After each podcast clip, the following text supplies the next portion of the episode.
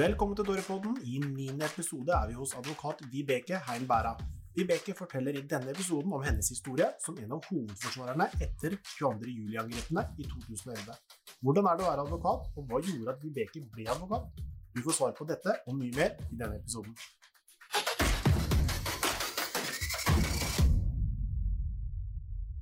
Vibeke Ein Bæra, du er jurist, advokat, til og med vært innom politimesterstillingen i Telemark. Men for de fleste av oss er du kanskje mest kjent som en av de to hovedforsvarerne til Anders Behring Breivik etter terrorangrepene 22.07.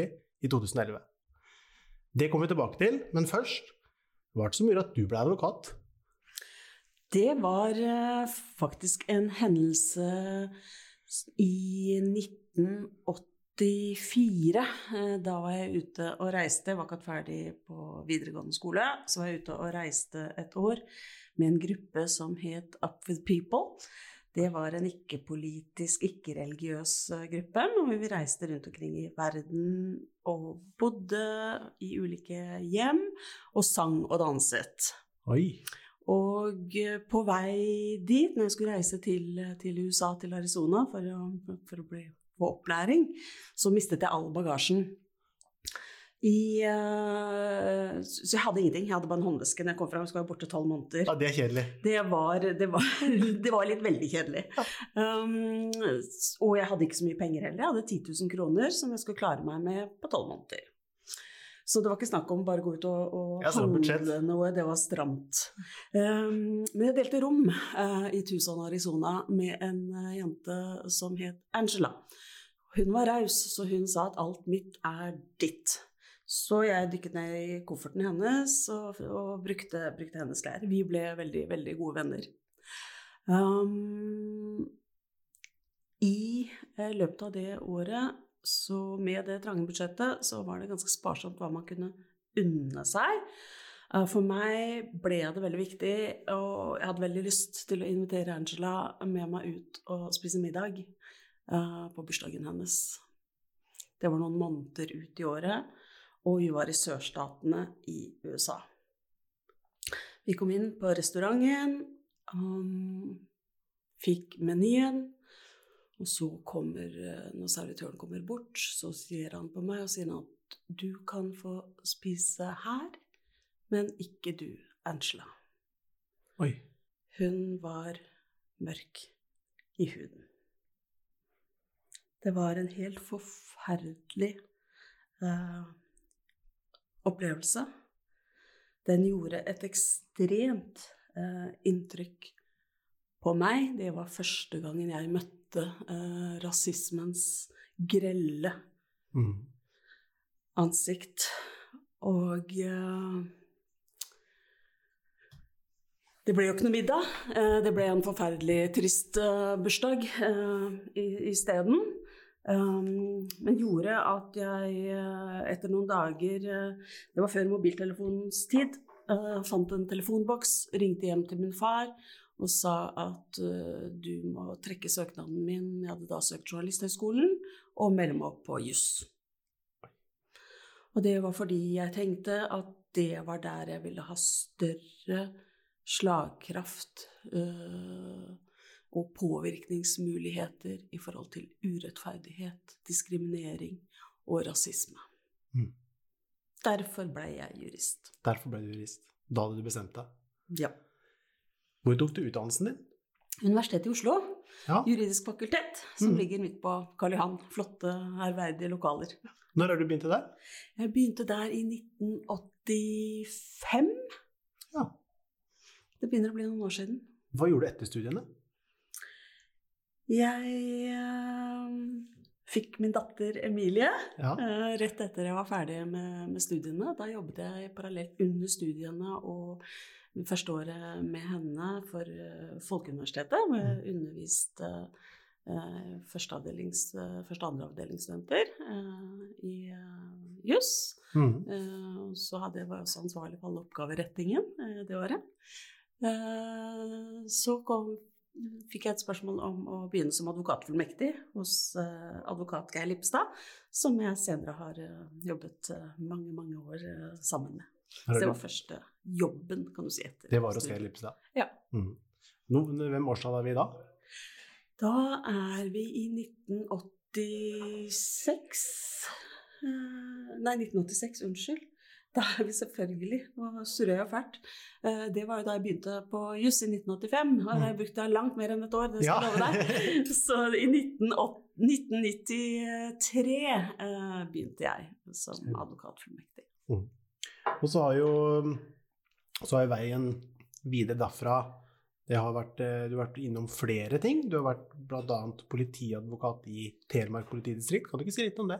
Jo, det Vi flyttet uh, fra Oslo. Det var årsaken til at jeg sluttet som advokat uh, i Oslo. Det, det var fordi vi, vi skulle hjem. Du ville hjem til Skien? Hjem til Skien. Ja. Uh, Jeg er gift med en gutt fra Heistad. Og vi vil hjem nærmere familie og få bedre rammer rundt oss og barna. Eh, Da eh, begynte jeg som eh, politifullmektig aller først i Telemark, eller da den gang Skien eh, politistasjon. Og det som senere ble Telemark politidistrikt, og nå Sør-Øst politidistrikt. Er det noen forskjell på det å jobbe i politiet som advokat og eller jobbe som advokat utenom? Ja, det er det. Um, det er, eh, den store forskjellen er at man jobber i en stor organisasjon med dedikerte, kjempeflinke eh, medarbeidere med komplementær eh, kompetanse til deg selv. Og det å få jobbe i en sånn type organisasjon sammen med så mange mennesker som brenner for oppgaven sin Mm, For oss var det et eh, tryggere Telemark. Absolutt. Et tryggere Telemark for alle. Det var det vi gikk på, på jobb for hver eneste dag. Og det, det savner jeg jo fremdeles, det store fellesskapet hvor målet var så klart uh, definert. Mm. Vi skal ta turen tilbake til 2011. Utøya og regjeringskvartalet, som vi alle kjenner historien til. Eh, Hvor lenge etter disse hendelsene fikk du forespørsel om du kunne stille opp som hovedforsvarer? Det var eh, Det var et par uker eh, etter hendelsene. Um, Jeg var jo i, eh, i dialog, vil si at Geir Lippestad ringte meg 22. juli på kvelden da han gikk inn i, i det første avhøret. Mm. For han bestemte seg ganske tidlig. Ja, han fikk forespørselen. Mm. Eh, Breivik hadde jo bedt om ham som sin eh, forsvarer. Um, og Hva tror du grunnen til det var? Det skyldes nok at han kjente til eh, Lippestad Ja. som eh, advokat. Det, det tror jeg. Renommé? Ja, ja. Mm. Um, så da snakket vi om det da, men da, den gang var jeg eh, regiondirektør i Arbeidstilsynet. Ja. Så jeg jobbet jo med noe helt annet. Jeg var ikke i politiet, og jeg var ikke lenger advokat, men, men drev med ledelse for Arbeidstilsynet. Eh, Men etter hvert så, eh, så ble jo eh, behovet eh, sterkere definert for, for min kollega Geir. Og han ringte meg og sa at kunne du tenke deg å si ja takk til en jobb som kanskje gjør at du aldri kan jobbe som advokat lenger igjen. Den fordrer nok at du må si opp den jobben du har i dag, men, men slik er det. Og slik ble det. Husker du når han, hvor er du var hen da når han ringte? Satt du hjemme? Var du, var du på natta? Var du på kontoret? Jeg eh, var på, på kontoret, jeg var på jobb eh, for Arbeidstilsynet. Eh, og det ble jo ganske Eller det ble jo umiddelbart eh, definert at slik må det være, men jeg hadde jo en sjef jeg måtte snakke med. eh, direktøren. eh, og selvfølgelig familien min. Mm. Før det ble avklart at det var dette vi skulle gjøre. Mm. Det var jo aldri noen noen tvil om at det var en type oppgave eh, hvis eh, Altså min tanke var jo at hvis det var behov for min kompetanse, så eh, var det jo ikke noen tvil om eh, hvor den skulle brukes. Nei. Ringte Lippestad noen andre, andre advokater, eller var det kun liksom deg som han ville ha med på Siden du hadde jobba der tidligere? Jeg tror ikke han har eh, At han snakket med noen andre, nei. Nei. Det er jeg vel sikker på. Hva sa familien når dere tok opp det her? Nei, de var jo eh, overbevist om akkurat eh, det samme. Dette, dette var jo en De så jo samfunnsoppdraget Mm. i oppgaven, Mm. og var derav ikke, ikke i tvil. Um, Så de støtta deg hele veien? ja, ja, det gjorde de. Det, det medførte jo eh, at jeg flyttet til Oslo uh, i den perioden hvor, eh, hvor den mest intense jobbingen var da ca. halvannet år. Så Hvor lang tid tror du det tok for, fra du fikk beskjeden på når du var på jobb hos Arbeidstilsynet, til å flytte til Oslo? Hvor lang var den? Var det en uke? Og var det det var veldig raskt eh, at jeg flyttet inn der. Så det vi, eh, vi så jo at det var tvingende nødvendig, for dette var jo en oppgave som krevde ja, jobb eh, døgnet rundt og et Mm. voldsomt fokus. Så det var viktig for meg å være nær arbeidsplassen. Så du for deg at det tok så lang tid som det tok? Eller tok det lang tid, syns du det? Nei, det opplevdes ikke Det var så intenst at tidsbegrepet nesten forsvant. Ja. For å være litt- helt ærlig. Ja. Man gikk inn i en boble Mm. hvor det var det å, å sette seg inn i saken Det var jo eh, ekstremt mye eh, eh, materiale å sette seg inn i. Ekstremt tungt og krevende eh, materiale. Eh, Og det var viktig for samfunnet å få gjennomført eh, rettsoppgjøret så raskt som mulig. Mm. Den, var, den gikk jo da påfølgende vår og inn i sommeren. Mm. Du nevnte jo, du var inne på det, det med lange arbeidsdager. Hvor, eh, hvor langt blei det sånn? Har du noe anslag timer du tror du jobber med den saken, sånn fra start til slutt? Det var så å si døgnet rundt. Det var så å si døgnet rundt, ja. Ja. Kunne du få telefonen på natta? Ja, eh, det kunne det absolutt være. Det var jo også slik at jeg eh, flyttet og altså Det var mye lydavhør som skulle gjennomgås. Ja. Og de eh, gikk man på Jeg gjorde i alle fall det. På øret eh, fram til jeg eh, sovna om kvelden og fortsatte neste morgen for å komme i mål. Mm. For det var jo aldri noe spørsmål om skyld. Så kanskje dette stiller seg som spørsmål for veldig mange, men hvorfor er han da, eh, om ikke bare én, men to hovedforsvarere og to medforsvarere?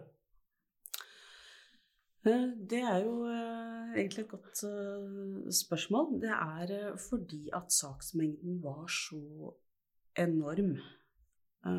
Det var ekstremt mye materiale som skulle gjennomgås, og vi hadde klare arbeidsfordelinger.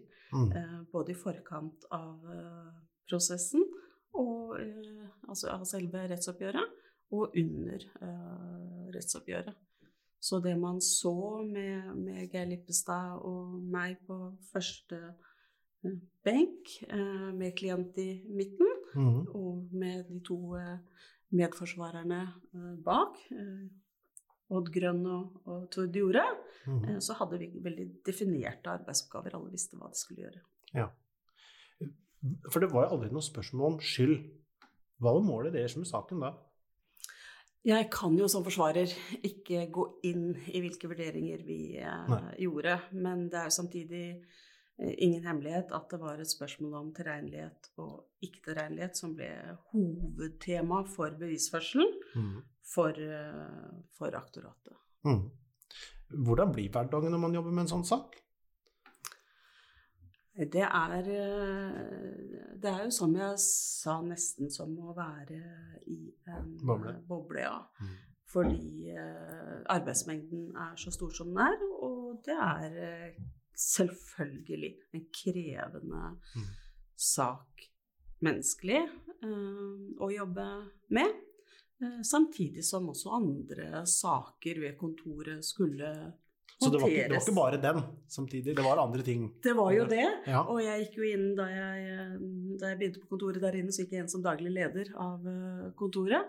Så ting skal, eh, ting skal fungere. På, Ja, og det er særlig når man skal, skal inn i en så, så stor og lang rettssak òg, så, så skal ting eh, fungere på alle, alle plan. Mm. Og det, det opplevde jeg jo dog at, det- at det Mm. gjorde.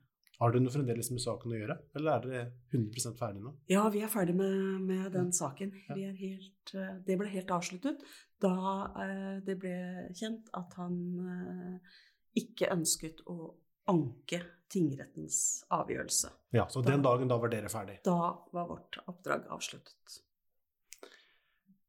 Hvordan har tiden etter hvert? Har, har denne saken forandra deg på noen måte som person eller menneske?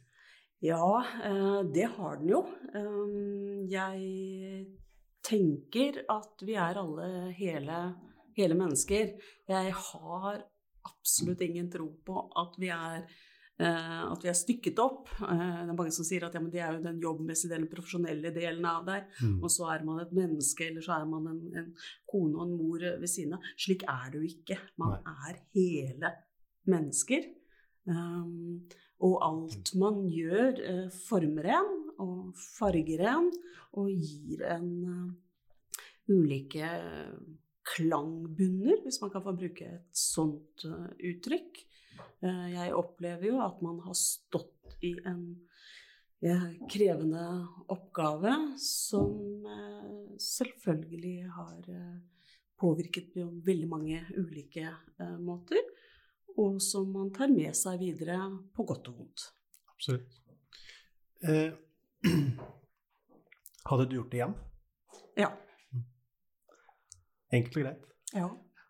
Det hadde jeg hvis det var slik at jeg eh, At jeg var like sikker på at det var behov for min kompetanse eller min eh, Jeg tror at en del av den forespørselen som kom den gangen, var en viktig dimensjon av det var at det var en relasjon uh, mellom Geir Lippestad og meg. Altså vi har jobbet sammen i mange år før. Mm. Vi visste hvordan vi skulle jobbe sammen, og at vi fungerer godt i et team. Og vi hadde høy grad av tillit uh, til hverandre, eller full tillit mm. uh, til hverandre når man skal inn og prestere i en, en, en så stor og krevende oppgave. Så ja, gitt de samme forutsetningene, så ville jeg jo stilt opp, og jeg ville mm. påtatt meg oppgaven igjen. Du nevnte jo i starten at, eh, at Geir hadde sagt eh, noe, Ikke siter meg på det, men det var noe at eh, du må være forberedt på at du ikke kan jobbe som advokat, og liksom den biten der. Mm. Men du jobber jo som advokat i dag. Kan man si at du har litt lignende, om ikke sånne saker, men du er i, i samme område? Mm. Er det noe som henger sammen? Ja, det, og grunnen til at han sa det, var jo nettopp fordi at vi skulle inn i en eh, en type forsvareroppdrag som vi eh, vel eller ikke har sett maken til. Den er jo unik i, i eh, ikke bare Norge, ja. ja. perspektiv.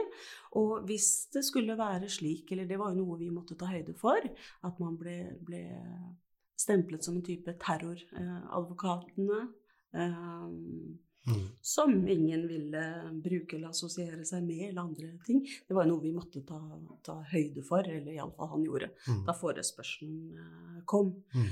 Nå er det ikke Han forberedte seg rett og slett på at dette kunne være siste? Ja. Det, det måtte vi begge gjøre. Så, så, det var tanken, at da må, kanskje man må drive med noe helt annet. Uh, kanskje man da Kanskje jeg da kunne blitt kokk, som jeg også ja. kunne tenkt meg. ja. Rett og slett gått helt andre veien. Ja. Men slik ble det ikke. Det, jeg jobber jo som advokat i, mm. i, dag og har gjort det siden. Og nå i disse dager så berammes jo terrorsaken i uh, Asker og Bærum uh, tingrett. Mm. Uh, som jeg også skal Der er jeg bistandsadvokat. Stemmer. Vi skal ikke gå så dypt inn på den, men det er som hun sier, samme samme område. Mm. Ja. Til unge og ivrige jusstudenter der ute, hva er dine beste råd til dem? De som sitter på skolebenken og Først og fremst er de jo veldig, veldig heldige. De har valgt en fantastisk eh, yrkesvei, det å bli jurist. Mm. Det er en så fin potetutdannelse. Du kan brukes til så mye. Uh, så, så, det er jo uh, en fantastisk mulighet i, i seg selv. Mm. Um, samfunnet har bruk for uh, jurister. Så rådet er jo kanskje å bruke Bruk tiden din godt. Kos deg på skolen. Kos deg på skolen. Kos deg med studiene. Jusstudiet er fantastisk. Og så ligger det en verden der ute som er spennende. Mm. Har du noe overhengende mål med karrieren? Jeg trives veldig, veldig godt som advokat uh, nå. Uh, jeg trives uh, her i Telemark. Mm. I Skien, I her vi sitter nå. her, akkurat her vi sitter nå. I et godt faglig fellesskap med supre kollegaer. Um, jeg har en, en klientmasse hvor jeg, som jeg trives godt med. Jeg opplever at, at jeg har spennende oppdrag. Um, og det, det trives jeg også veldig godt med. Så målet er trives på jobb. Det er viktig. Ja, det er viktig. Vi er her mye, Ja, og det er en vesentlig del av arbeidstida vår. 100 Er du, er du advokat om 10-20 år, tror du? Nå begynner jeg å bli en voksen dame, men Nå tenkte jeg mer om om du bytta beite, men eh, Ja. Nei, det gjør jeg ikke. Jeg, eh, jeg har nok eh, landet eh, karrieren min så vidt jeg vet i dag. Men Vibeke Hein Berra, tusen takk for praten. Bare hyggelig. Takk skal du ha.